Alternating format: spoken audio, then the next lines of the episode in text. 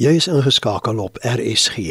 Dit is 'n tyd vir die vroegoggendgedagte, vanoggend aangebied deur Tyler Ritgard van die Afrika Evangeliese Bond. Dag sê, Romeine 8 bevat baie bekende beloftes en verse wat ons almal goed ken.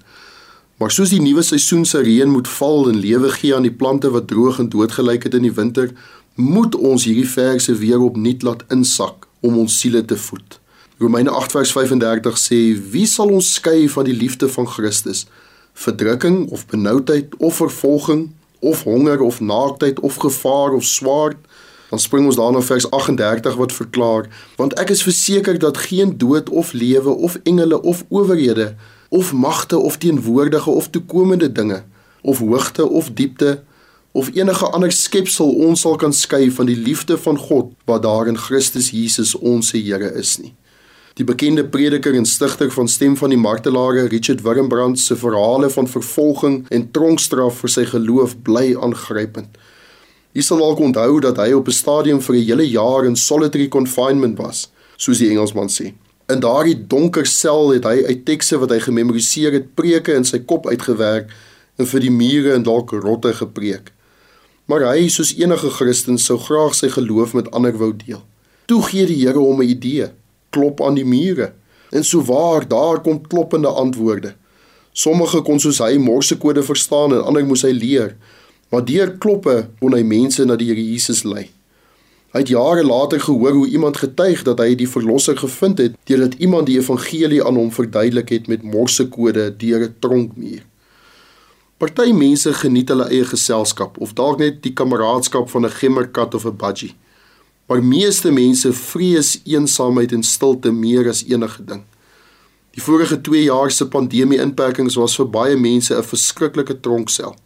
Maar ons geleesde teks is juis vir die eensames geskryf. Niks kan ons van God se liefde en genade skei nie. Dalk het jy vroeër in die jaar by die graf van 'n geliefde gestaan of by die siekbed van iemand naby aan u gewaak. Daar in elke oomblik en in elke situasie is ons Here Jesus so naby soos 'n gebed of 'n sug of 'n uitroep. Ou Dominiek Christonie het gesê ons is so naby aan God as wat ons knieë van die grond af is.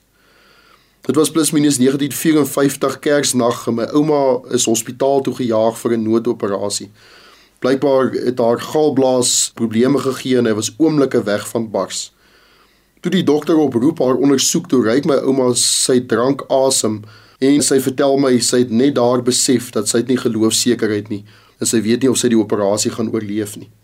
Deur die verpleegster se geskarrel bid sy tot God met wie sy nie 'n verhouding gehad het nie en sy vra die liewe Heer baie opreg of hy net kan gee dat sy 'n paar oomblikke alleen kan wees. Skielik draai die dokter om. Hy trap die verpleegsters uit oor hulle onprofessionele gedrag voor die pasiënte vra dat hulle my ouma moet uitstoot totdat hulle gereed is vir haar. Oomblikke later toe lê sy alleen in 'n verlate gang en daar skik sy haar saak met God. Daar vind sy vrede en vergifnis toe sy as 'n sondaar met die Here praat. Jare later, bykans 45 jaar later, werk ek uit. Sit ek daar in haar kombuis en ek smil aan haar varsgebakte brood en ek sal haar woorde aan my nooit vergeet nie. Sy sê my kind, as ouma hier alleen in die kombuis sit, dan bid ek vir julle. As ek die Bybel oopmaak, dan is die Here hier naby en dan noem ek julle name vir hom. Ons geleesde teks begin met hierdie wonderlike woorde: Wat sal ons dan van hierdie dinge sê? As God vir ons is, wie kan teen ons wees? Geen tronksel is te dik om ons te skei van die liefde van God wat daar in ons Here Jesus Christus is nie. Hou moed. Amen. Dit was die vroegoggendgedagte hier op RSG, aangebied deur Tyler Ritgard van die Afrika Evangeliese Bond.